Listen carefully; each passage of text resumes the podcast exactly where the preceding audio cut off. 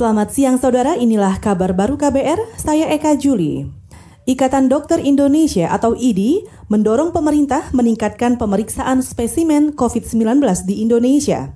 Ketua Satgas COVID-19 IDI, Zubairi Jurban mengatakan, kunci pemutusan mata rantai penyebaran COVID-19 adalah pengetesan massal dan menyeluruh. Saat ini pemeriksaan COVID-19 dianggap belum maksimal. Jadi memang sebanyak mungkin, secepat mungkin, dan disusul dengan telusur kontak, kemudian yang positif diisolasi dan karantina itu memang salah satu syarat untuk mengatasi masalah COVID. Ketua Satgas COVID-19 ID, Zubairi Jurban berpendapat, Jakarta memerlukan tes COVID-19 sekitar 10.000 orang per hari dan daerah lainnya sekitar 5.000 orang per hari.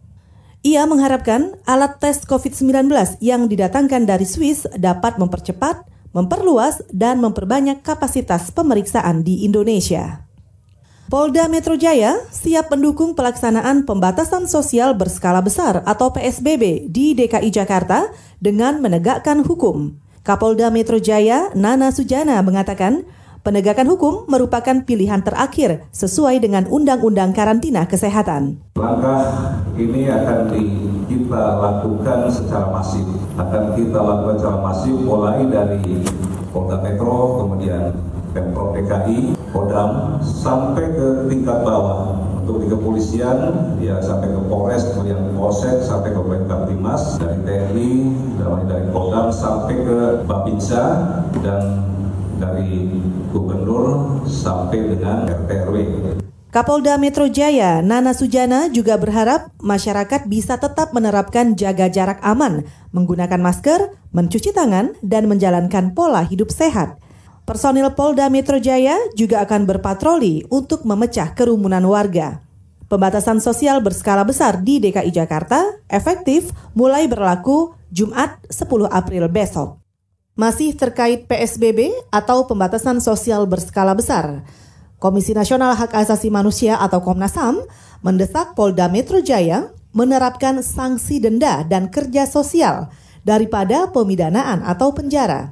Ketua Komnas HAM Ahmad Taufan Damanik mengimbau kepolisian melakukan pendekatan persuasif dan dialogis – Selain itu, tidak bertindak represif dalam menegakkan aturan hukum pemberlakuan sosial berskala besar atau PSBB di DKI Jakarta. Jadi sebaiknya digunakan alternatif dalam peraturan gubernur misalnya bisa memberikan sanksi dalam bentuk non pemidanaan. Itu bukan dipenjarakan tapi sanksi kerja sosial kah atau denda karena kalau dia dalam bentuk pemidanaan penjara ini akan berkontradiksi dengan kebijakan pemerintah pusat dalam hal ini Menteri Hukum dan HAM yang justru sekarang berusaha untuk mengeluarkan orang-orang dari rumah tahanan karena dengan situasi yang crowded itu berbahaya bagi para tahanan itu. Ketua Komnas HAM Ahmad Taufan Damanik juga mengklaim menyampaikan imbauan tersebut ke Polda Metro Jaya. Taufan juga menyarankan kepolisian melibatkan penyidik pegawai negeri sipil atau PPNS, pemerintah daerah, dan dinas kesehatan untuk menegakkan aturan hukum pembatasan sosial berskala besar di ibu kota.